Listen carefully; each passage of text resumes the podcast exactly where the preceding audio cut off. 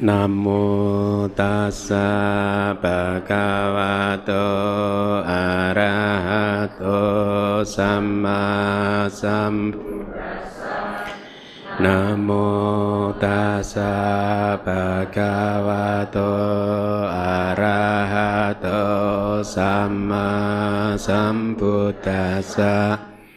Namo tassa bhagavato arahato อะระหะโตสัมมาสัมพุทธัสสะนะโมตัสสะภะคะวะโตอะระหะโตสัมมาสัมพุทธัสสะนะโมตัสสะภะคะวะโตอะระหะโตสัมมาสัมพุทธัสสะ Baik, jadi apa? Uh, selamat malam buat upasaka upasika. Semoga Anda semua berbahagia di malam minggu yang ceria ini. Ya, kita akan memasuki kelas yang kelima uh, dari kelas Abhidhamma Tak Sanggaha ini ya. Saya harap Anda masih haf, sudah hafal ya uh, syair yang pertama. Hafal nggak? Coba diulang. Ya, saya anggap hafal. Cobalah dihafal sambil kemudian direview terus pelajarannya ya. Nah, mulai uh, malam hari ini seharusnya uh, kelas akan menjadi semakin menarik karena mulai malam hari ini kelas akan berbicara tentang sesuatu yang Anda sendiri mengalaminya. Ya, berbicara tentang Anda, berbicara tentang pengalaman Anda, ya. Jadi eh, topik dari kelas malam hari ini adalah catuk para mata eh, dhamma atau dharma atau empat eh, uh, dharma yang hakiki atau empat realitas yang hakiki. Arti dari hakiki itu artinya apa?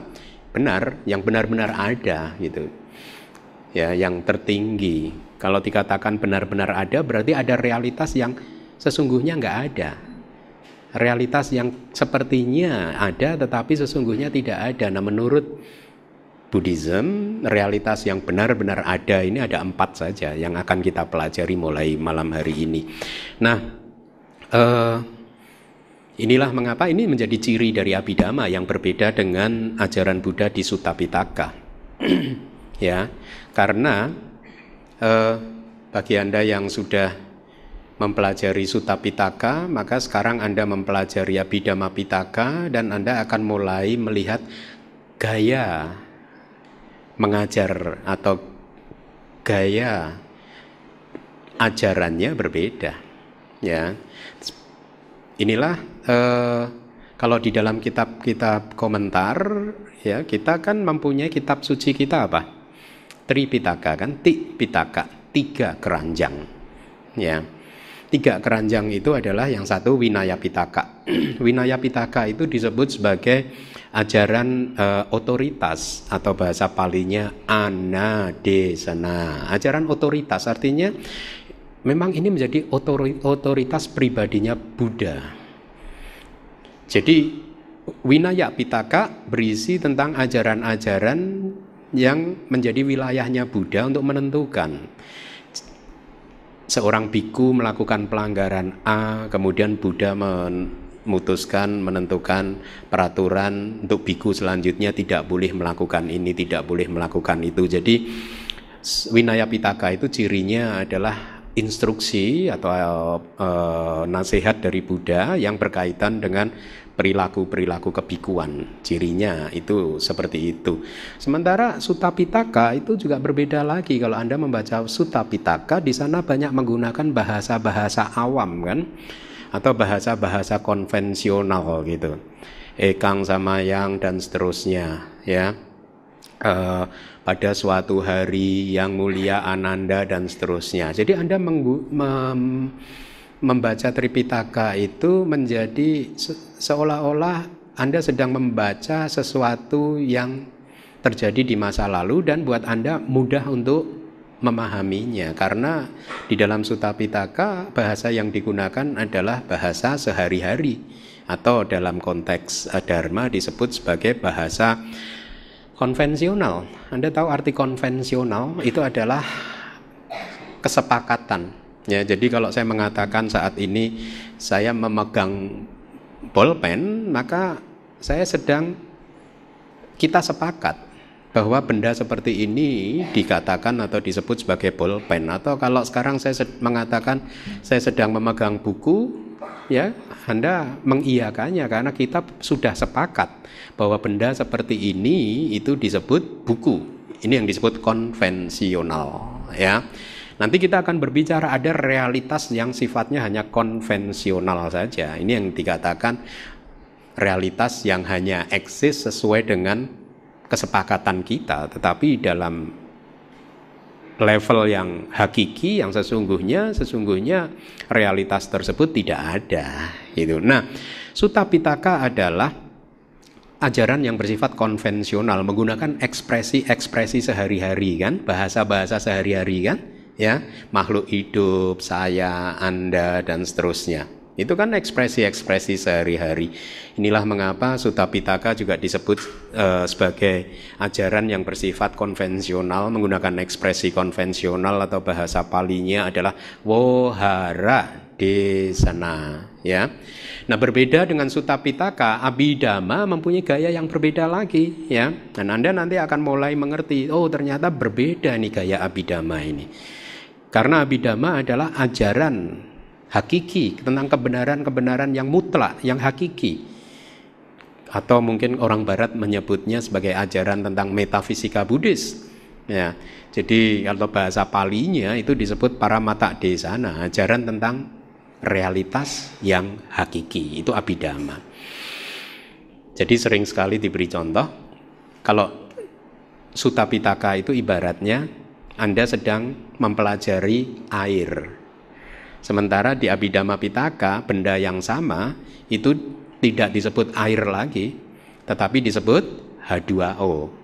Ya, jadi di dalam Abhidhamma kita akan mulai masuk ke dalam realitas-realitas yang hakiki, yang benar-benar eksis, gitu, yang mempunyai uh, eksistensinya sendiri berdasarkan sifat-sifat intrinsik alamiah atau bahasa palinya sebawa lakana. Nah, dengan demikian Anda mendapatkan pengetahuan awal perbedaan dari tiga keranjang di dalam pitaka sehingga Anda tidak kaget.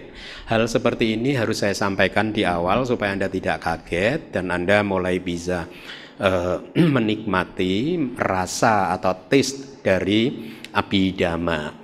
Nah di Indonesia masih saja ada kekeliruan orang yang menganggap bahwa abidama adalah ajaran tertinggi, lebih tinggi dari ajaran Sutta Pitaka. Pemahaman yang seperti ini adalah pemahaman yang keliru. Memang benar abidama itu didefinisikan sebagai dhamma atireka, dhamma wisesa. Dhamma atireka itu artinya dhamma yang lebih tinggi dari dharma, lebih tinggi dari sutta pitaka, ya. Dhamma wisesa itu artinya dharma yang yang berbeda dengan sutta pitaka, berbeda dengan dharma dalam hal ini sutta pitaka. Jadi abhidhamma itu definisinya adalah ajaran yang lebih tinggi dari Sutta Pitaka dan berbeda dengan Sutta Pitaka. Dhamma atireka, dhamma wisesa. Tetapi pemahamannya bukan seperti yang tadi saya sebutkan, seperti yang dianut oleh beberapa umat di Indonesia bahwa abhidhamma itu adalah ajaran yang lebih tinggi dari Sutta dalam segala halnya. Tidak. Sebenarnya Abhidhamma dan Sutta Pitaka itu mengajarkan poin dharma yang sama saja yang membuat Abhidhamma disebut lebih tinggi dari Sutta Pitaka adalah dalam konteks cara penyajiannya.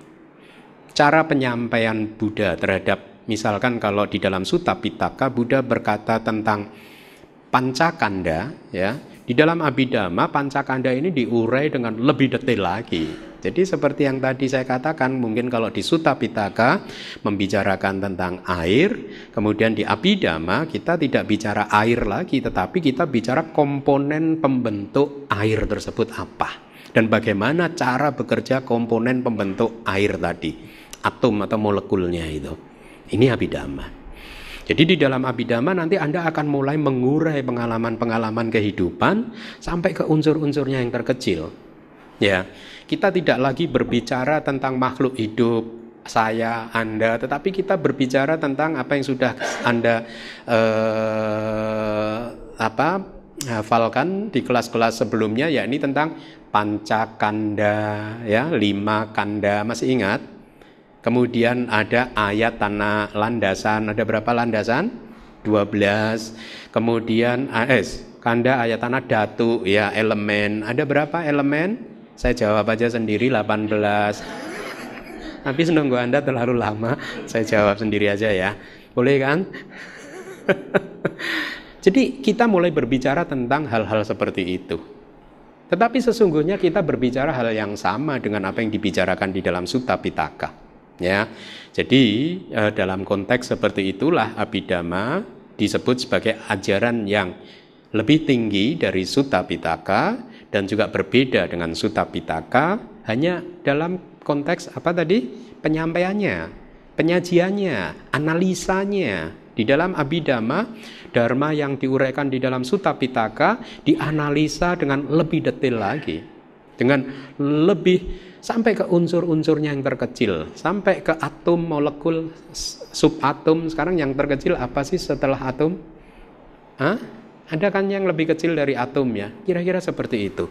Ya, inilah mengapa kalau 2600 tahun yang lalu Buddha dan para arahat di masa lalu mengatakan bahwa eh, batin kita dan tubuh ini muncul dan kemudian hancur dengan kecepatan yang sepersekian miliar detik dan baru setelah 2600 tahun di zaman-zaman modern ini ilmuwan juga setuju ternyata tubuh kita ini muncul diproduksi dan kemudian hancur dalam kecepatan waktu yang juga satu per sekian eh, satu per miliaran detik dengan kecepatan yang sangat tinggi sekali gitu.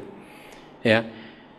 Uh, Buddha melihat itu semua dan apa yang beliau lihat, beliau realisasi ada di dalam Abhidhamma Pitaka. Jadi Anda sedang mempelajari sesuatu yang sangat sangat lembut ya. Fenomena-fenomena kehidupan yang dibahas dengan unsur pembentuknya bagaimana uh, apa interaksi antar unsur-unsur pembentuk tersebut ya terjadi di dalam kehidupan ini. Ini semua yang akan anda pelajari ya nah eh, malam hari ini kita akan mempelajari tentang empat dhamma yang hakiki atau catu para mata dhamma ya informasi yang saya sampaikan malam hari ini sangat eh, penting sekali sebagai dasar anda untuk maju membuka harta karun abidama pitaka. Anda harus benar-benar memahami ini. Ya, jadi kelas malam hari ini sangat penting sekali. Di dalam Abhidhamma Tak Sanggaha ada kalimat hal-hal yang ada di dalam Abhidhamma yang dibicarakan di sana dari sudut pandang realitas hakiki kesemuanya ada empat yakni kesadaran, faktor-faktor mental, materi, dan nibana. Ada empat ini yang harus Anda hafalkan. Cita, cetasika, rupa, dan nibana. Jadi menurut Abhidhamma hanya empat realitas ini yang benar-benar eksis. Gitu. Di luar itu realitas yang ada disebut sebagai realitas konvensional. Ya, jadi Anda juga harus hafalkan ini bahasa Indonesianya ya. Minggu depan saya tes satu-satu. Tidak perlu bahasa eh, palinya. Kalau palinya kan Anda susah. Anda mau menghafal palinya atau bahasa Indonesianya? Minggu depan ujian ya. ya. Sekarang sekali lagi di dalam kitab Abhidhamma Tak Sanggaha hanya seperti ini. Lalu apa yang Anda pahami dengan kalimat yang pendek seperti ini? Inilah mengapa kemudian kita harus membuka kitab komentarnya di dalam kitab komentar disebutkan bahwa intinya kalimat tersebut hanyalah menjelaskan secara singkat tentang empat topik yang kita pelajari nanti di dalam Abhidhamma yang diringkas dari sudut pandang penjelasan-penjelasan eh, hakiki dan mengesampingkan yang konvensional. Nah ini Anda dapat dua istilah, hakiki dan konvensional. Hakiki itu bahasa palinya para mata, konvensional itu bahasa palinya sammuti. Ya, ada dua realitas. Sekarang saya akan jelaskan. Jadi abidama eh, mengajarkan kepada kita tentang dua realitas ini. Realitas yang hakiki dan realitas yang konvensional. Apa itu realitas konvensional? Realitas konvensional adalah ya segala sesuatu baik itu benda apa pun ya yang menjadi objek dari panca indera kita ya eh, yang menjadi objek dari pikiran kita ya semua apa pun kursi atau apa pun yang anda alami dengan panca indera anda ya uh, mungkin laptop dan mungkin apa proyektor, TV dan lain sebagainya ini semua adalah realitas konvensional. Seperti yang tadi di awal saya katakan, konvensional. Kita sepakat bahwa benda-benda seperti ini disebut TV dan seterusnya. Ya. Atau juga nama ya. Nama yang uh, menunjukkan benda yang kita maksud. Misalkan televisi, mikrofon, dan seterusnya. Itu juga sebenarnya hanyalah realitas-realitas konvensional. Model ekspresi, cara kita mengekspresikan uh, benda yang ditunjukkan oleh nama tadi, ya. Jadi saya ulangi lagi, realitas konvensional itu adalah segala sesuatu yang menjadi objek pikiran Anda, objek panca indera Anda dan juga ekspresi yang dipakai untuk menunjukkan objek-objek tersebut. Misalkan namanya misalkan asin keminda itu juga ekspresi tentang benda yang seperti ini disebut sebagai asin keminda. Benda yang seperti ini disebut laptop. Nah ekspresi itu adalah juga kebenaran konvensional nah menurut Abhidhamma kebenaran konvensional ini tidak eksis jadi apa yang Anda pahami sebagai diri Anda ya kemudian uh, mungkin suami Anda, istri Anda, anak-anak Anda, semuanya itu menurut Abhidhamma tidak eksis. Dia hanya merupakan realitas, benar realitas tetapi konvensional saja. Gitu. Mereka tidak eksis berdasarkan sifat intrinsik alamiahnya. Apa itu sifat intrinsik alamiah? Nanti kita akan uh, apa pelajari itu. Ya sifat intrinsik alamiah. Nah sebaliknya kebenaran hakiki atau realitas hakiki para mata dhamma itu adalah realitas yang benar-benar ada ya karena mereka mempunyai sifatnya masing-masing dan juga mereka menempuh eksistensi mempunyai sifat muncul, bertahan sesaat, kemudian lenyap. Muncul, bertahan sesaat, lenyap. Ya. Jadi tiga realitas hakiki yang pertama ya ini cita, cetasika rupa atau kesadaran, faktor-faktor batin dan juga materi itu mempunyai ciri eksistensi seperti itu. Muncul bertahan lenyap semuanya. Kesadaran cita itu batin anda. Cetasika faktor-faktor batin itu adalah energi-energi yang muncul bersama dengan batin anda seperti loba, dosa, moha dan seterusnya jadi batin Anda, juga materi tubuh jasmani Anda, juga materi di luar tubuh jasmani Anda itu mempunyai eksistensi yang seperti itu tadi muncul, bertahan sesaat, lenyap dengan kecepatan yang sangat tinggi sekali. Di dalam satu jentikan jari, di dalam satu kedipan mata, mereka muncul dan lenyap selama sebanyak bermiliar-miliar kali.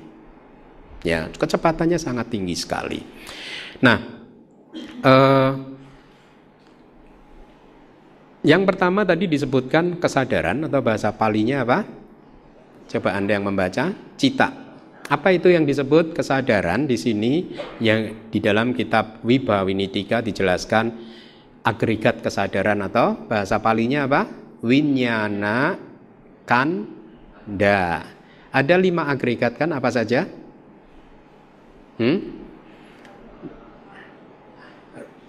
Rupa kanda, wedana kanda, sanya kanda, sangkara kanda, winyana kanda. Lima kan? Nah kesadaran keben, uh, realitas hakiki yang pertama atau cita itu adalah agregat kesadaran. Yang terakhir tadi winyana kanda. Kemudian yang kedua, realitas hakiki yang kedua adalah faktor-faktor batin atau bahasa palinya apa? Cetasika. Anda harus hafalkan ini kata-kata pali empat ini nanti ya. Cita dan cetasika. E, penjelasannya adalah tiga agregat dimulai dengan perasaan atau wedana. Berarti agregat apa saja? Tadi wedana, kanda, sanya, kanda, sangkara kanda itu ya. Faktor yang yang pembentuknya adalah e, cetasika ya ter, kemudian e, yang ketiga adalah materi ya. Materi itu semua. Sifat dari materi adalah menjadi objek dari batin kita ya. Kalau kan man, manusia makhluk hidup atau khususnya manusia kan bisa dibagi antara lima kanda juga bisa dibagi menjadi dua yaitu apa? Nama dan rupa, batin dan jasmani. Nah, sifat dari keduanya berbeda. Sifat dari batin adalah dia cenderung condong untuk menangkap objek. Betul? Ya, sikap nah, sifat dari materi adalah menjadi objek dari batin. Materi tidak bisa menangkap objek. Tubuh jasmani Anda tidak bisa menangkap objek. Ya materi atau rupa penjelasannya adalah agregat materi atau bahasa palinya apa? Rupa kanda dibedakan menjadi dua bagian besar yaitu elemen, empat elemen yaitu elemen tanah, elemen air, elemen api, elemen udara, patawi datu, terus apo datu, tejo datu dan Wow, ya bagus. Wayo datu. Ini empat maha buta, elemen yang utama, ya unsur atau elemen tanah, air, api, dan udara. Nah, ada eh, jenis-jenis materi lain yang muncul bergantung uh, kepadanya, yakni uh, ada hmm, 18 dikurangi 4, ada 14 yang munculnya bergantung dengan eh, elemen-elemen uh, tadi ya. Kemudian ke, uh, eh, realitas hakiki yang keempat adalah nibbana ya. Dhamma yang tidak berkondisi dan menjadi objek dari maga atau jalan dan palak buah. Jadi ini istilah teknis ya. Kalau dikatakan nibbana adalah dhamma yang tidak berkondisi artinya apa? Ya Nibana tidak dibentuk oleh apa pun. Ya. Dan nibana tidak pernah muncul, tidak pernah juga lenyap sehingga tidak ada kondisi-kondisi apa yang dibutuhkan oleh nibana untuk muncul. Maka disebut dhamma yang tidak berkondisi. Sehingga tiga yang pertama itu disebut sebagai dhamma yang berkondisi. Kalau tadi kan tidak berkondisi. Berarti cita, cita, sika, dan rupa adalah dhamma yang berkondisi. Kenapa disebut sebagai berkondisi? Ya, karena eh, eh, kemunculannya itu tergantung pada sebab dan kondisi. Misalkan, Anda seperti ini sekarang bisa melihat ke arah saya Proses melihat ini adalah proses yang berkondisi. Anda mampu melihat ke arah saya karena ada syarat-syarat yang dibutuhkan oleh proses melihat supaya bisa muncul itu hadir. Syaratnya apa? Harus ada cahaya. Betul. Yang kedua, bola mata Anda harus sehat. Betul, kornea matanya. Syarat yang ketiga, batin Anda, perhatian Anda harus mengarah kepada saya. Meskipun Anda mempunyai bola mata yang sehat, kemudian mengarah ke saya ya, kemudian ada cahaya, tapi kalau batin Anda sedang lari ke rumah, Anda nggak melihat saya. Saya gini-giniin juga Anda juga akan diem aja gitu. Paham nggak? Ini yang disebut dharma yang berkondisi. Bahwa segala sesuatu tiga tadi kebenaran yang apa realitas hakiki itu muncul karena ada sebab atau kondisi yang mendahuluinya yang membuat dia akhirnya muncul bisa muncul. Kalau tidak ada sebab dan kondisi yang dibutuhkan oleh dharma tersebut, dharma melihat tadi, maka proses melihat tidak terjadi. apa pun, apa pun. Emosi Anda muncul karena ada yang mengkondisikannya. Cinta kasih Anda muncul karena ada yang mengkondisikannya. Lihat, Abhidhamma udah mulai menarik kan? Kita nanti akan berbicara hal-hal yang uh, seperti ini. Kenapa? Uh, kesadaran yang berakar pada keserakahan atau kemarahan, kebencian bisa muncul dan seterusnya. Gitu. Tetapi untuk bisa sampai ke sana, maka pelajaran di dalam setiap kelas harus Anda kuasai dengan baik. Ya. Nah, Dhamma yang tidak berkondisi dan menjadi objek dari maga, jalan, dan palak buah. Maga itu adalah uh, gabungan dari jalan mulia berunsur delapan. Pada saat jalan mulia berunsur delapan itu berkembang maksimal, ya, maka Anda akan batin Anda akan mengambil objek nibana. Pada saat ini kita tidak mampu mengambil nibana sebagai objek batin kita, meditasi kita. Karena apa? Karena jalan mulia berunsur delapan belum kita kembangkan secara maksimal. Betul tidak? Sila, samadhi, panya kita belum berkembang secara maksimal. Dari lima sila berapa yang Anda praktekkan? Empat, tiga, dua, satu. ya. Nah, eh, mari kita lihat penjelasan selanjutnya. Hakiki atau paramata Artinya realitas terbaik, tertinggi, tidak kebalikannya artinya itu kalau dikatakan misalkan karakteristik dari keserakahan adalah menggenggam, menggenggam objek ya seperti monyet yang menggenggam objeknya tidak mau melepaskannya atau di kelas hari Minggu lalu saya katakan sifatnya itu seperti lintah yang hmm, apa menghisap darah seseorang, dia tidak mau melepaskannya. Nah, keserakahan itu pada saat muncul ya seperti itu. Dia menggenggam objeknya tidak mau dilepaskan. Nafsu Anda pada saat muncul ya seperti itu sifatnya. Jadi kalau di dalam abidama nanti Anda mempelajari bahwa karakteristik dari keserakahan atau nafsu adalah menggenggam objek, ya memang kenyataannya seperti itu. Dan dikatakan lagi sebagai kebenaran yang mutlak. Kenapa?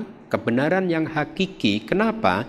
Karena kalau kita sedang berbicara keserakahan, kita sedang berbicara tentang sesuatu yang eksis di batin kita masing-masing. Kita tidak sedang membicarakan keserakahannya Bante Keminda dan keserakahan Anda adalah keserakahan yang berbeda. Kita tidak sedang berbicara tentang kemarahan Bante Keminda dan kemarahan Anda dan kemarahan kucing adalah berbeda, tidak. Inilah mengapa Abhidhamma juga disebut sebagai ajaran yang mengajarkan tentang kebenaran yang hakiki. Atau kalau nanti Anda belajar Abhidhamma misalkan dikatakan kebencian, ya. Karakteristik dari kebencian itu apa?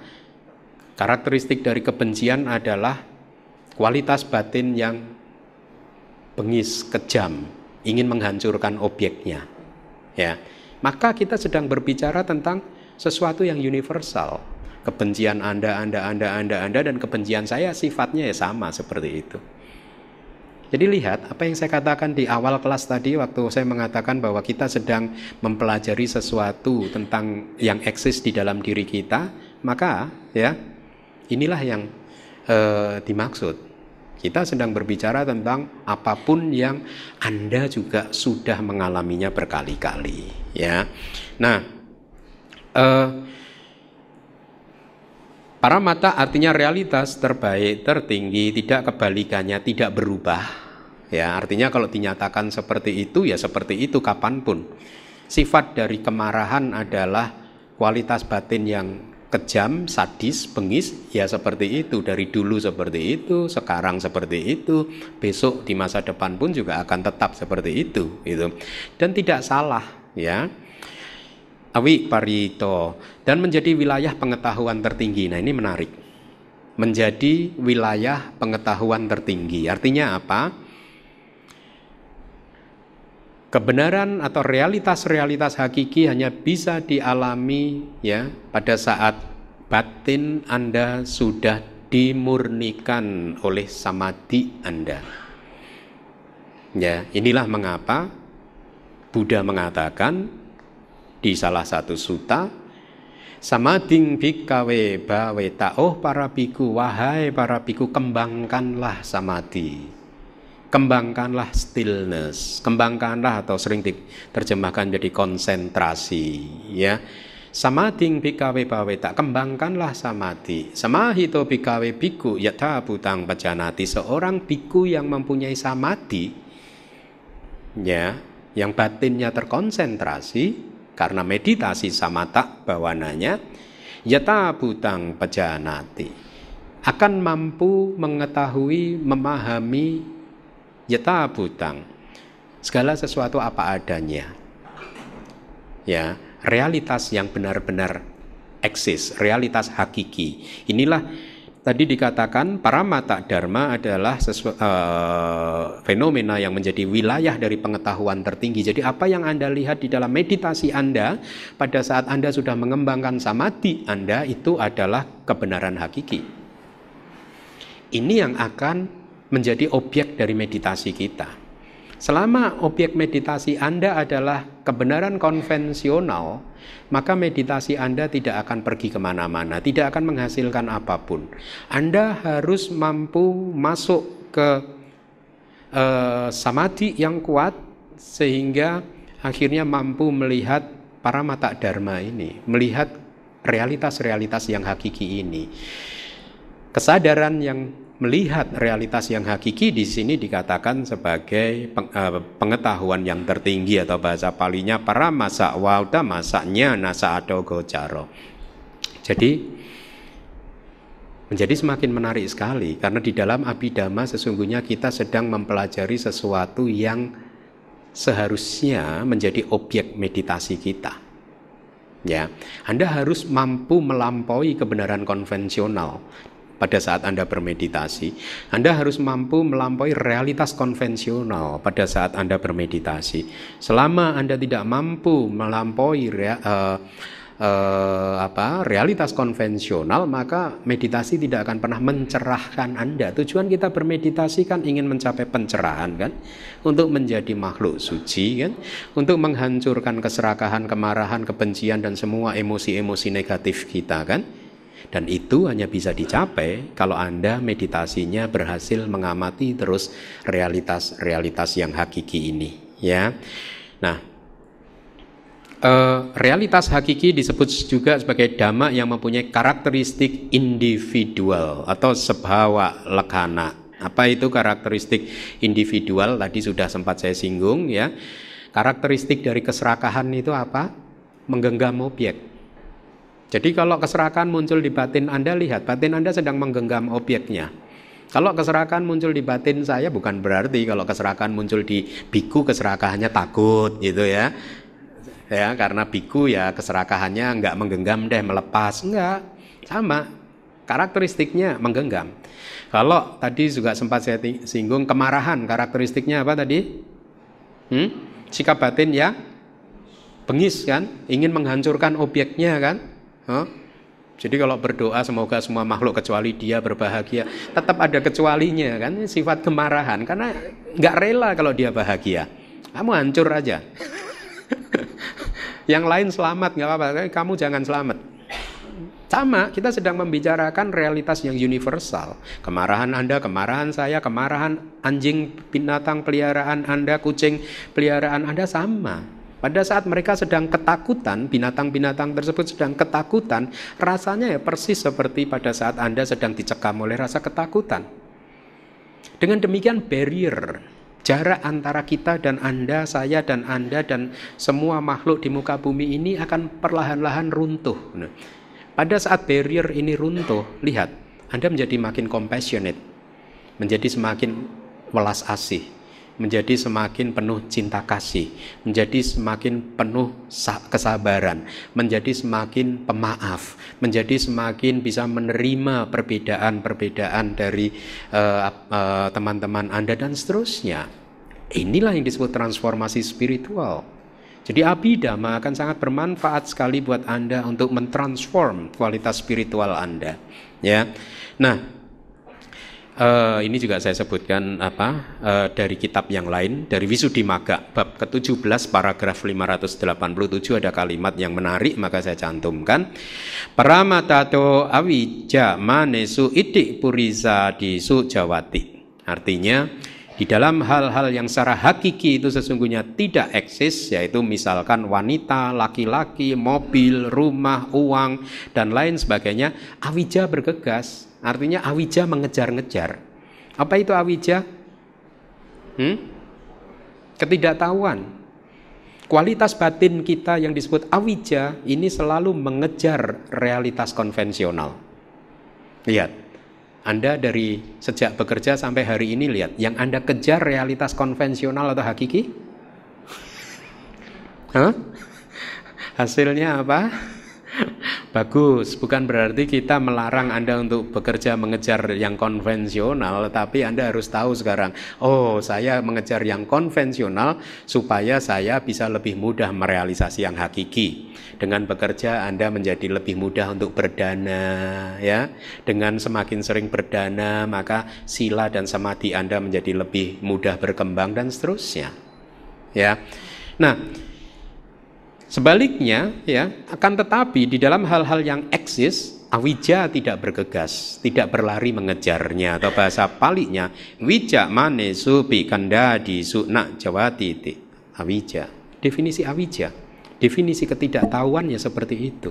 Ketidaktahuan kita, ketidaktahuan Anda, ya, energi batin satu, energi batin saja yang disebut awija, ketidaktahuan ini senantiasa atau menyukai realitas konvensional selalu mengejar istri saya, ya, istri Anda maksud saya, suami Anda, anak Anda, rumah Anda, ya, uang Anda, apalagi amili Anda, lihat, semuanya adalah realitas konvensional dan Anda menyukainya. Kenapa? Karena awija. Ya. Tetapi pada saat diminta untuk bermeditasi datang setiap hari Sabtu jam 4 bermeditasi, lihat. Mungkin hanya 10% dari Anda yang hadir. Padahal meditasi ini sedang kita berusaha untuk mengejar realitas yang hakiki. Tapi kenapa Anda enggak tertarik? Karena awija. Hah? Awija. Awija tidak tertarik pada realitas yang hakiki. Awija tertarik pada realitas konvensional, ya. Nah, uh, saya akan berikan satu contoh.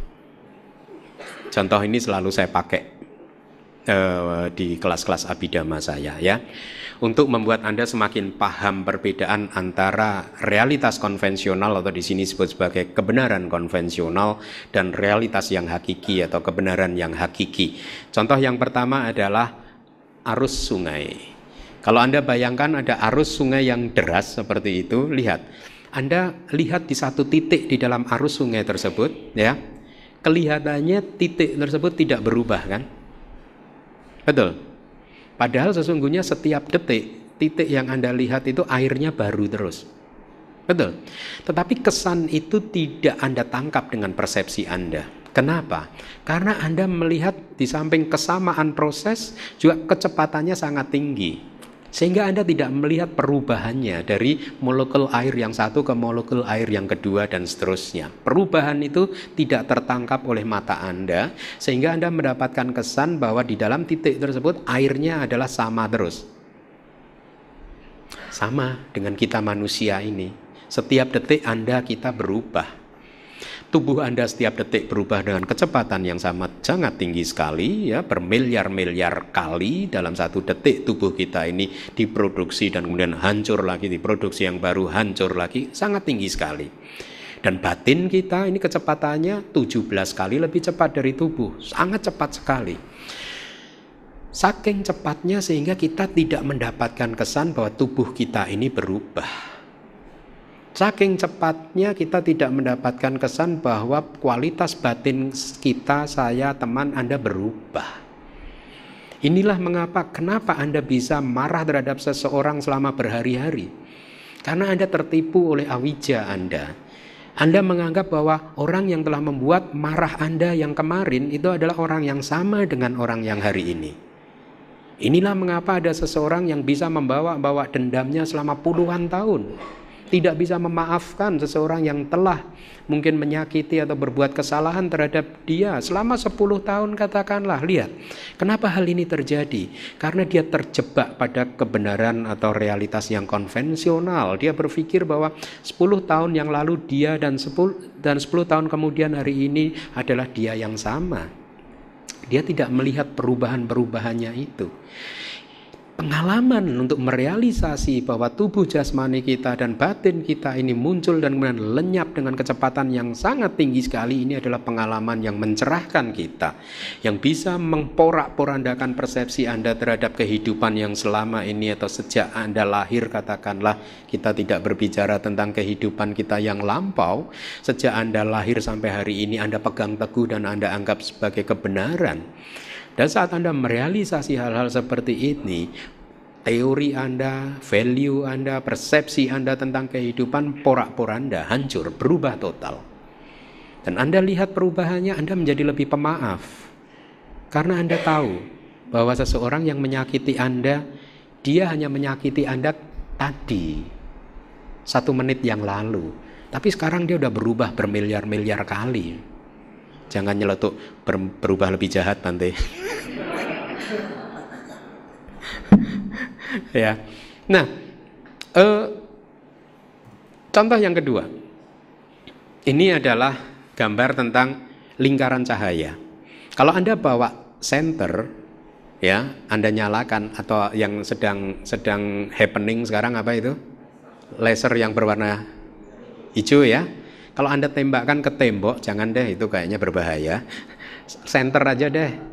Anda tembakkan ke tembok dan temboknya ini apa ini ruangan ini dimatikan dan kemudian Anda putar dengan kecepatan yang sangat tinggi Anda akan mendapatkan gambar seperti ini. Kira-kira kalau buat orang yang awija yang tidak tahu dia akan berpikir ada lingkaran cahaya. Betul tidak? Tapi buat orang yang tahu, dia akan tahu bahwa sebenarnya tidak ada lingkaran cahaya. Yang ada apa? Titik-titik cahaya di dalam lingkaran ini yang bergerak dengan sangat cepat sekali. Sedemikian cepatnya sehingga seolah-olah dia membentuk satu wujud yang solid. Betul tidak? Sama dengan kita, Anda ini. Karena proses tubuh jasmani dan batin itu bergerak dengan sangat cepat sekali sehingga seolah-olah kita menangkap kesan Anda adalah pribadi yang solid. Bante Keminda adalah pribadi yang solid. Tetapi sesungguhnya Bante Keminda berubah terus. Anda juga berubah terus, gitu. Ya. Contoh yang ketiga. Ini adalah barisan semut hitam. Kalau Anda melihat barisan semut hitam di tembok dalam jarak waktu uh, sorry dengan jarak yang cukup jauh, maka yang Anda lihat seolah-olah ada garis hitam saja. Tetapi kalau Anda dekati, Anda tahu bahwa tidak ada garis seperti gambar dalam lingkaran tersebut. Yang ada hanyalah individu semut yang berjejer satu dan yang lainnya mempunyai jeda. Ya, mempunyai jarak antara satu semut dan semut yang berikutnya, betul? Ya. Demikian pula dengan nama dan rupa kita. Batin dan juga jasmani kita muncul lenyap ada jedanya juga. Meskipun di dalam satu kitab komentar disebutkan dikatakan eh, dia muncul dan lenyap dengan kecepatan yang sangat tinggi dan tersambung dengan sempurna. Ya, tersambung dengan sempurna. Tetapi di dalam meditasi ya dengan samadhi Anda Anda akan bisa melihat bahwa antara satu kesadaran dan kesadaran yang lain itu ada jedanya. Ya. Tapi selama Anda tidak bisa mengembangkan samadhi Anda maka individu semut dalam konteks uh, contoh ini tidak berhasil Anda lihat ya.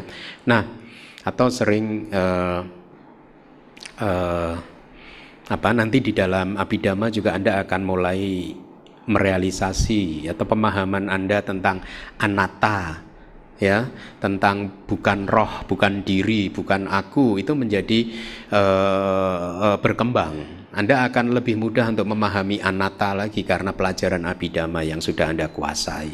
Ya, uh, apa? Kita masih seolah-olah melihat bahwa ada aku, ada diri. Ini karena kita melihatnya dari jauh saja, tidak menggunakan samadhi tadi.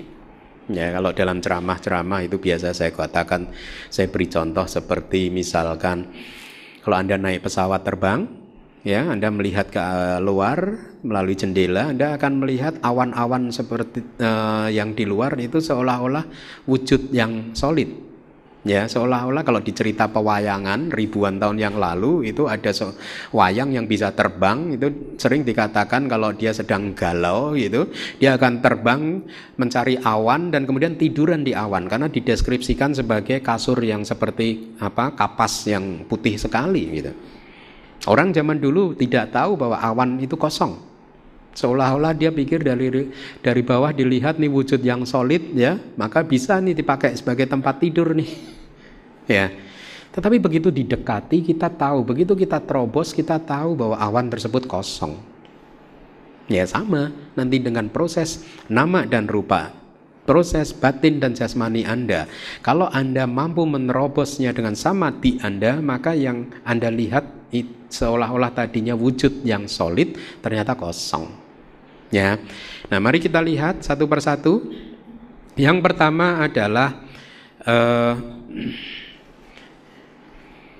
cita. Tadi kita sudah berbicara tentang apa? Uh, ada dua jenis realitas. Apa saja tadi? Realitas konvensional, realitas hakiki. Ya. Walaupun dikatakan ini dua jenis realitas yang berbeda, tetapi abidama mengajarkan kepada kita sama seperti tadi definisi abidama lebih tinggi dari suta. Itu bukan berarti abidama lebih tinggi dari suta, benar-benar kan? Lebih tinggi hanya dalam konteks cara penyampaian, pembabaran dan analisanya saja kan. Tetapi yang dibahas di dalam suta pitaka dan abidama pitaka itu sesungguhnya adalah dhamma yang sama. Nah, Kemudian kalau dikatakan kita sekarang belajar tentang dua jenis realitas, itu bukan berarti realitas hakiki lebih tinggi daripada realitas konvensional. Tidak. Menurut Buddhism, dua-duanya disebut sebagai kebenaran. Tetapi Anda harus tahu, yang satu benar hanya secara konvensional, tetapi tidak ada wujudnya sesungguhnya, Sementara kebenaran hakiki itu adalah kebenaran yang ada wujudnya, eksis berdasarkan sifat intrinsik alamiahnya tadi, sifat intrinsik individunya tadi. Ya, e, kedua jenis realitas, kedua jenis kebenaran itu sama, bukannya satu lebih tinggi daripada yang lain. Kedua-duanya makanya disebut di dalam abidama sebagai satca, sebagai kebenaran. Jadi benar. Kalau saya sedang mengatakan kepada Anda saya memegang bolpen, saya sedang mengatakan kebenaran. Saya tidak sedang berbohong, benar, tetapi benar secara konvensional. Jadi artinya realitas konvensional ya wujud-wujud ini kemudian nama yang kita berikan kepada semua wujud-wujud konvensional ini itu bermanfaat buat kita untuk komunikasi kita sehari-hari. Ya. Kita bisa membaca buku karena ada kebenaran konvensional. Betul tidak? Kita bercak, bisa bercakap-cakap seperti ini karena ada kebenaran konvensional. Ingat, konvensional itu artinya kesepakatan, ya. Kita sepakat warna yang seperti ini kita sebut sebagai warna kuning. Semua sepakat. Sehingga kita bisa berkomunikasi. Ya dan sehingga kehidupan bisa berjalan. Jadi kebenaran konvensional itu sangat membantu kita untuk bisa melangsungkan kehidupan kita. Tetapi kebenaran konvensional juga mempunyai atau ada bahayanya. Bahayanya apa? Bahayanya adalah kebenaran konvensional tidak mampu memberikan data kepada kita bahwa Wujud yang ditunjukkan oleh kebenaran konvensional adalah wujud yang tidak kekal.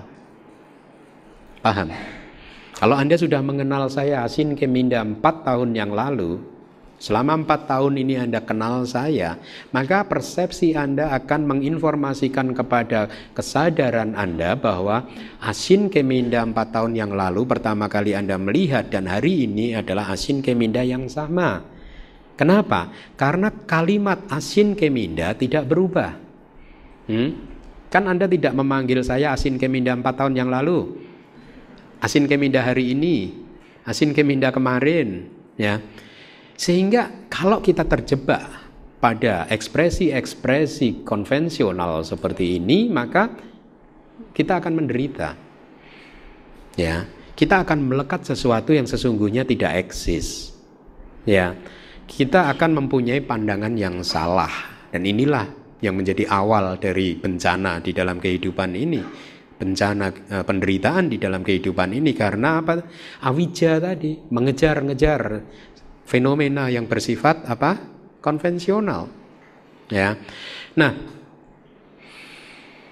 sekarang kita akan mulai membicarakan tentang empat jenis kebenaran hakiki ya. Ada empat jenis. Mari kita baca. Yang pertama bahasa palinya saja anda baca. Cita atau kesadaran. Apa sih yang kita sebut sebagai cita?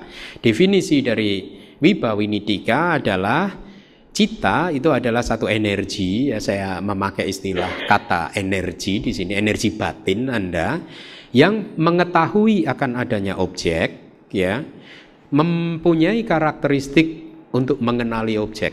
Jadi sering sekali karena uh, definisi cita yang lain itu arah menang cinte titik citang. Seringkali seseorang keliru menerjemahkannya menjadi cita adalah uh, sesuatu yang memikirkan objek berpikir tentang objek. Jadi ada aktivitas berpikir di dalam cita tapi kalau kita baca kitab-kitab komentar ada penjelasannya no no no cita bukan aktivitas berpikir karena aktivitas berpikir itu adalah nanti muncul di kanda yang lain khususnya sangkara kanda. Jadi ini masuk dalam ceta sika bukan cita.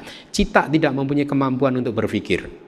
Ya, oleh karena itu ada definisi penjelasannya wisaya wijanana lakanang citanti artinya mempunyai karakteristik untuk menyadari akan adanya objek. Dia hanya menyadari saja. Dia seperti mengerti ada objek, tetapi dia tidak tahu objek tersebut apa. Ya. Fungsi cita adalah tahu ada objek ini, ya. Tetapi dia tidak tahu bahwa ini warnanya kuning atau ini disebut buku dan lain sebagainya. Dia hanya tahu ada objek. Jadi ini hanyalah cita, itu fungsi dari cita hanyalah proses kognisi yang paling simpel. Ya, proses untuk mengenali objek yang paling sederhana. Dia hanya tahu ada objek, tapi dia tidak tahu ini buku, ini warnanya kuning, ini apa-apa nggak tahu dia. Yang bisa mengerti ini kuning, ini buku itu adalah ceta sika. Dalam hal ini apa? Persepsi, sanya. Dia bukan cita, dia tapi cetak sika. Ya. Dengan kata lain, cita tidak bisa muncul tanpa objek. Sering sekali kalau orang disebut uh, dia sedang pingsan Bante, dia sedang nggak sadar Bante. Sesungguhnya ada kesadaran. Ya, atau sering sekali seseorang bertanya kepada saya, kalau seorang sedang koma seperti itu sesungguhnya batinnya sedang berlangsung nggak Bante? Nah, sekarang Anda tahu kan? Terus berlangsung. Ya selama Anda masih di dalam samsara, cita tidak pernah uh, tidak pernah ada uh, objek yang tidak masuk dalam uh, jangkauan cita. Setiap detik selalu saja ada objek. Tidak pernah kosong dari objek. Sehingga cita kita disebutkan sejak awal kehidupan sampai nanti kita sebelum merealisasi nibbana cita kita ini akan muncul lenyap muncul lenyap dengan kecepatan yang sangat tinggi seperti arus sungai yang mengalir sangat deras sekali tanpa putus. Ya. Nah ini adalah cita. Jadi elemen kognisi yang paling sederhana ya tapi nanti Anda akan belajar bahwa cita tidak bisa muncul sendirian. Cita harus muncul bersama dengan cetasika, ya, faktor batin. Ada 52 faktor batin, cita muncul dengan sebagian dari faktor batin tersebut.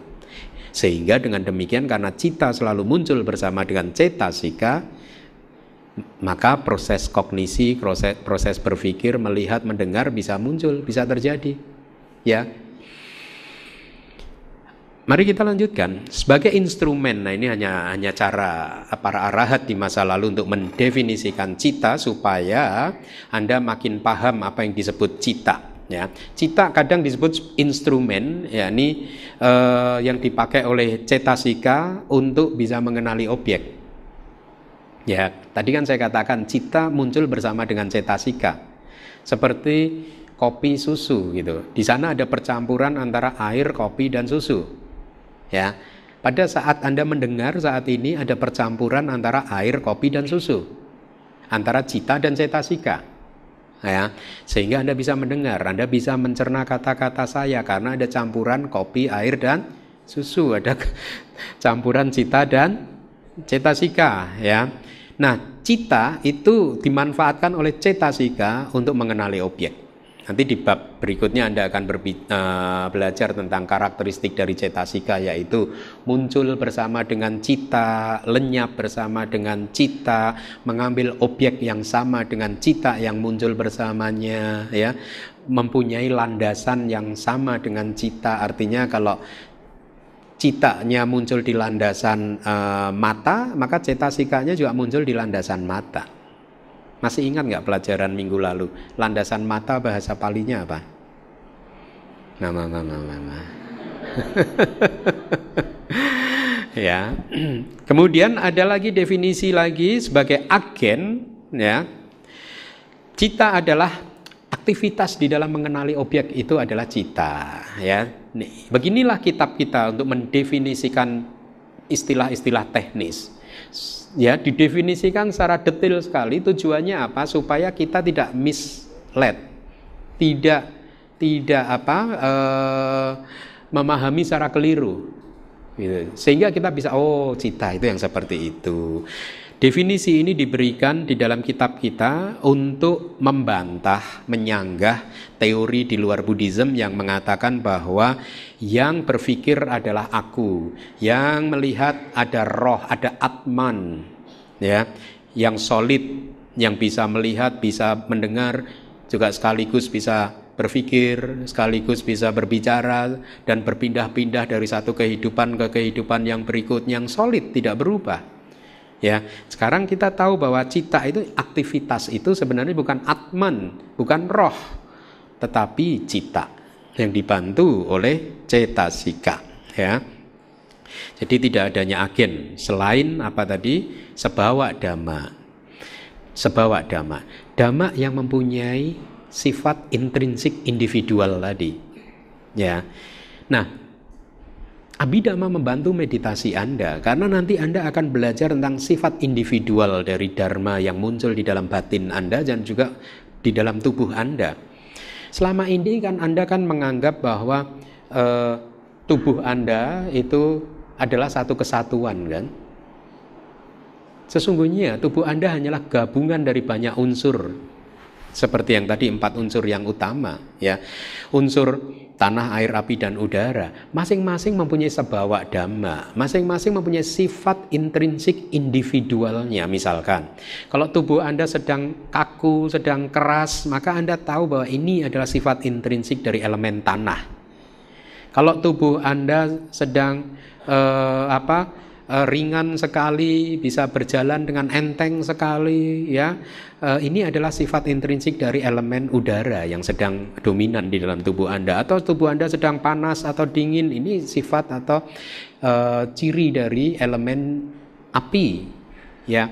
Dengan demikian Anda berhasil membongkar-bongkar tubuh Anda sampai ke unsur-unsur yang terkecil sehingga apa persepsi tentang ini adalah tubuh Anda hancur.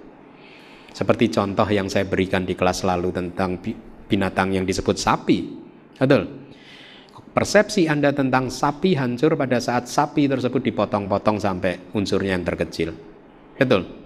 Tubuh Anda, kemelekatan Anda juga akan hancur pada saat Anda paham bahwa ini hanya terdiri dari minimal empat elemen, tanah, air, api, dan udara. Tetapi untuk bisa memahaminya bagaimana kalau Anda tidak paham sebawa damaknya, Anda tidak paham dawa damak sifat intrinsik individualnya, Bagaimana Anda memahami bahwa batin Anda itu muncul lenyap kalau Anda tidak paham sifat atau karakteristik individual dari cita dan cetasikanya. Misalkan seperti yang tadi saya katakan, karakteristik dari keserakahan menggenggam. Ya, Karakteristik dari kemarahan adalah berbeda. Apa tadi? Bengis, sadis, kejam. Karakteristik dari moha, kebodohan apa? Not knowing, ajnana, tidak paham apa yang sedang terjadi. Ya. Nah, kita harus tahu karakteristik individual dari isi batin kita ini supaya kita bisa melihat dengan jelas, oh iya, tadi yang menggenggam muncul sekarang hilang ganti yang bengis muncul. Yang bengis muncul hilang lagi ganti sekarang yang not knowing, tidak tahu. Yang not knowing hilang kemudian muncul lagi yang lain lagi sehingga Anda mulai bisa melihat dengan jelas, oh ini ternyata apa yang dikatakan Buddha eh, tentang ketidakkekalan. Tetapi kalau Anda masih menangkap tubuh jasmani dan batin Anda ini sebagai satu kesatuan, maka persepsi Anda tentang ketidakkekalan tidak akan pernah bangun, tidak akan pernah berkembang. Ya. Nah, eh, mari kita lanjutkan lagi. Yang kedua, bahasa palinya silahkan. Cetasika atau faktor faktor batin. Ada 52 banyaknya itu. Ya nanti kita akan pelajari satu persatu. Definisinya dulu. Ceta, cetasika itu eksis di kesadaran atau di cita. Di sini cetasi bahasa palinya eksis di cita dan kemunculannya juga bergantung kepada cita. Ya. Kemudian tidak bisa mengambil objek sendiri tanpa cita kesadaran. Apabila cita tidak muncul, maka cetasika juga tidak muncul juga. Ya, ini hanya bisa terjadi kalau Anda masuk ke niroda sama pati. Anda merealisasi nibana atau masuk ke niroda. Ya, maka pada saat itu cita Anda akan berhenti, tidak muncul. Ya. E, atau Anda terlahir di makhluk tanpa batin. Asalnya sata di alam Brahma sana. Maka pada saat itu Anda lahir tanpa batin hanya mempunyai tubuh jasmani, maka cita tidak muncul. Tetapi selama kita masih hidup sebagai makhluk yang mempunyai batin, maka cita akan mengalir terus kecuali Anda mencapai niroda sama pati, pencapaian meditatif di mana proses nama dan rupa berhenti. Nah, eh,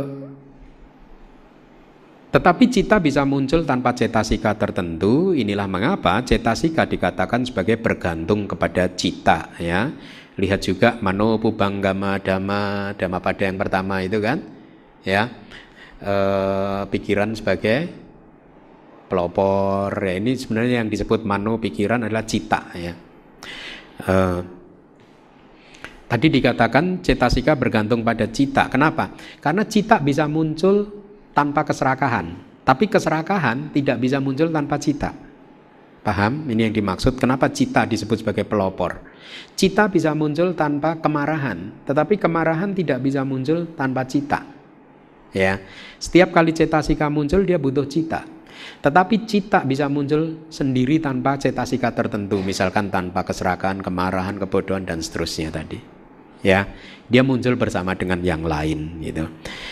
Uh, Kemudian yang ketiga adalah rupa atau materi definisinya adalah rupa. Itu adalah sesuatu yang ya kesakitan. Rupati di sini lebih kepada artinya kesakitan eh, atau senantiasa berubah dikarenakan kondisi yang berlawanan seperti panas dan dingin. Artinya begini apa yang disebut sebagai rupa jasmani kita ataupun jenis materi lain itu adalah segala sesuatu yang berubah karena ada kondisi yang berlawanan. Kena panas, maka akan muncul proses materi yang berbeda pada saat dia kena dingin. Tubuh kita pun juga seperti itu. Pada saat tubuh kita terkena panas, maka akan muncul proses jasmani yang berbeda dengan pada saat tubuh kita terkena dingin. Ya, uh, di sini disebut sebagai uh, kesakitan. Batin kita juga kesakitan, tetapi uh, dijelaskan bahwa kesakitan oleh dingin, kesakitan oleh panas di Sang Yuta Nikaya itu yang dimaksud adalah berubah bentuk ya pada saat bertemu dengan kondisi yang berlawanan tadi seperti panas, dingin dan seterusnya. Terus di dalam kitab komentar juga ada uh, informasi yang uh, menarik seperti ini. Meskipun arupa dharma itu dharma non materi ya uh, Ya, yang dimaksud arupa dharma di sini berarti batin, cita dan cetasika Anda itu, ya, itu arupa dharma, dharma arupa, dharma bukan rupa, bukan materi, artinya batin Anda, cita dan cetasika Anda. Meskipun batin Anda itu juga berubah, tetapi dia tidak termasuk dalam definisi ini karena perubahan yang dimaksud untuk mendefinisikan materi adalah perubahan yang nyata. Batin kita perubahannya tidak nyata, betul tidak? Kalau jasmani kita perubahannya nyata kan, lebih nyata kan? Kalau Anda melihat foto Anda 20 tahun yang lalu dan foto Anda hari ini kelihatan perubahannya. Tetapi persepsi bahwa Anda 20 tahun yang lalu dan Anda yang sekarang, batin Anda 20 tahun lalu dan batin Anda yang sekarang berbeda, belum tentu muncul. Anda masih menganggapnya si aku 20 tahun yang lalu dan si aku sekarang adalah aku yang sama.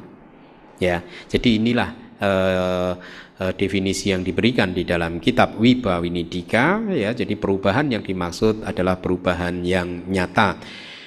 Kemudian ada juga uh, pertanyaan tanya jawab seperti ini. Meskipun uh, penjelasan seperti ini, meskipun di alam Brahma tidak ada dingin panas ya yang bisa menyebabkan kesakitan, tetapi definisi rupa tetap berlaku karena sifat alamiah dari kesakitan dan juga senantiasa berubahnya tidak terlampaui di sana. Artinya tetap berubah dan tetap bisa kesakitan gitu. Makanya uh, rupa pun juga berlaku pada saat Anda terlahir di alam Brahma yang mempunyai materi halus di mana terlahir di sana yang ada hanyalah ketenangan, kedamaian dan kebahagiaan, tidak ada panas, tidak ada dingin. Ya. Nah, uh, kita masuk ke realitas hakiki yang keempat yaitu apa?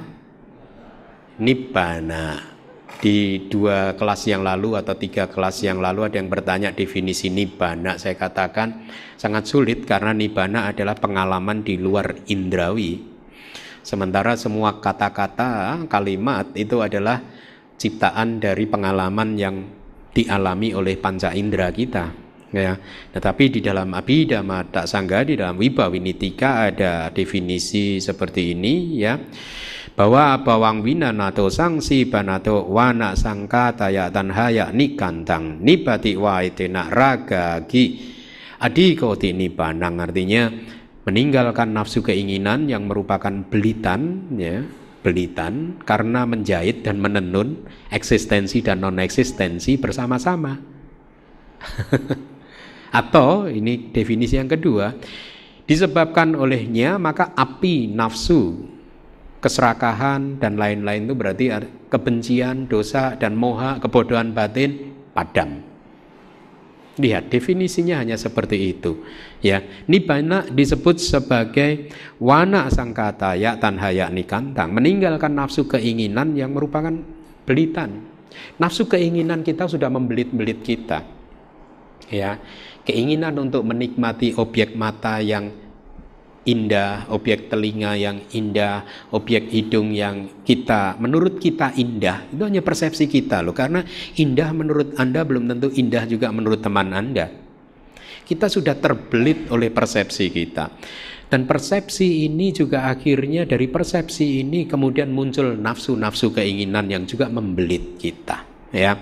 Membelit ingin mewujudkan nafsu eksistensi tersebut atau bahkan uh, ingin menghancurkan apa yang uh, sedang kita alami saat ini. Ada nafsu untuk menjadi, ada juga nafsu untuk tidak menjadi, ada nafsu untuk menghancurkan. Ada nafsu untuk menggenggam, ada nafsu untuk menghancurkan. Nah, nibana itu menghancurkan semua nafsu seperti itu, meninggalkan semua nafsu seperti itu. Keadaan batin di mana kita sudah berhasil meninggalkan nafsu tersebut itulah nibana.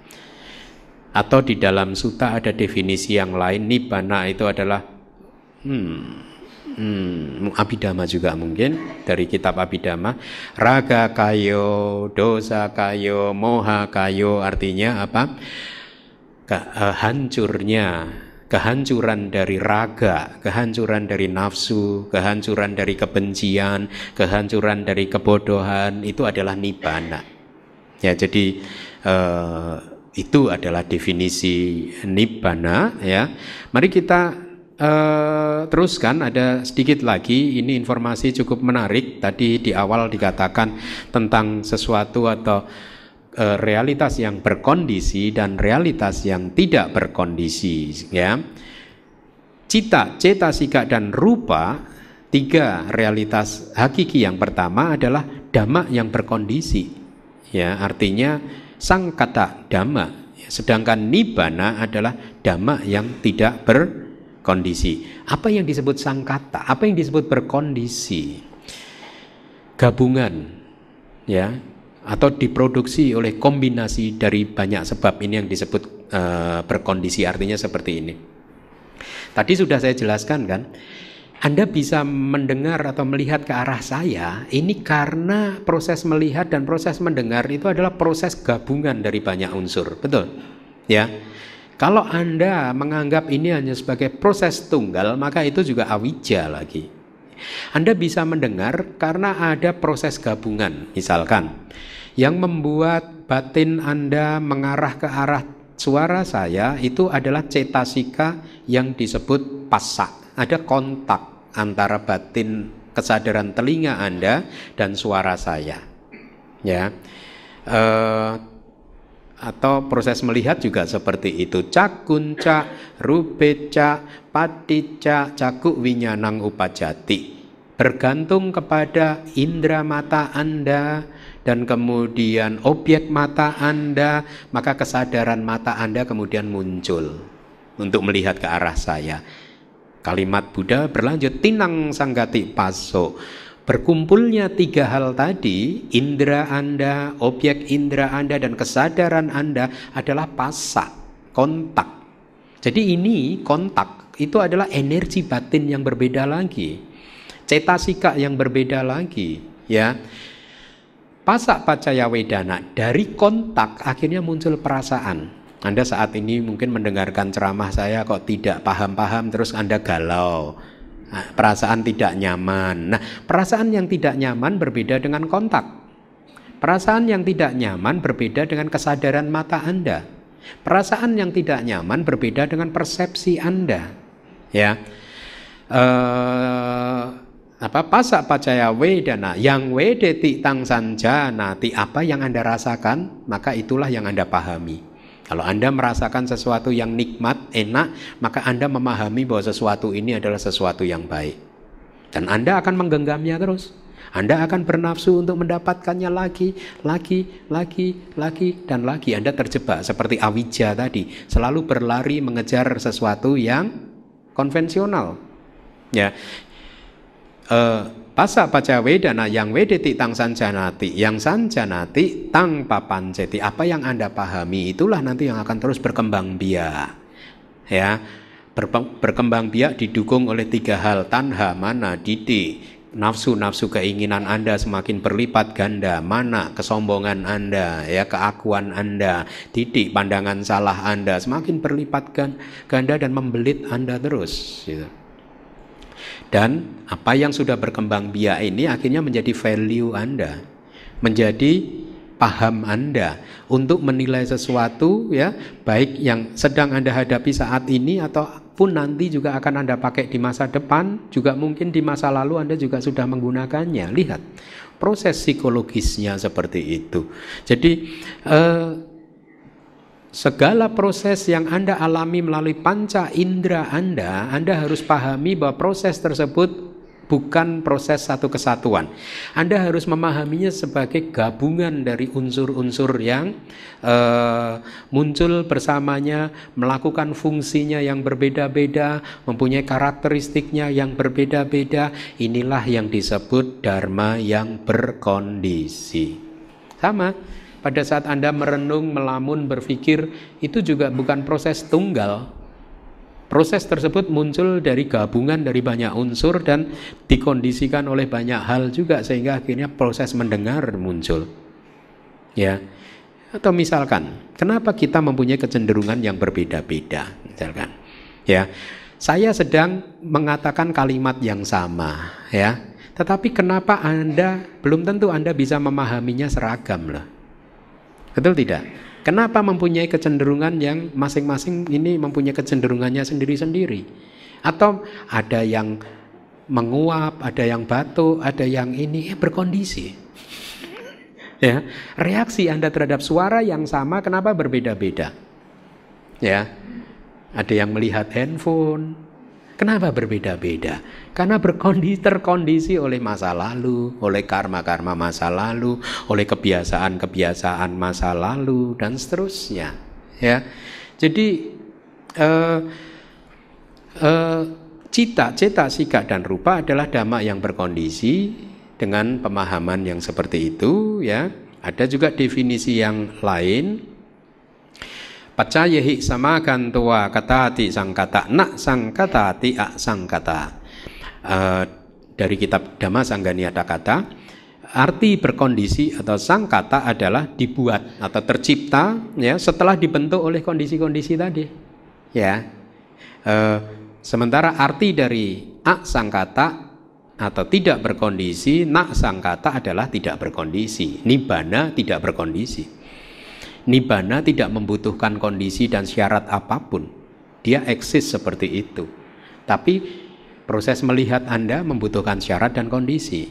Proses berpikir Anda membutuhkan syarat dan kondisi. Kebahagiaan Anda membutuhkan syarat dan kondisi. Penderitaan Anda membutuhkan syarat dan kondisi.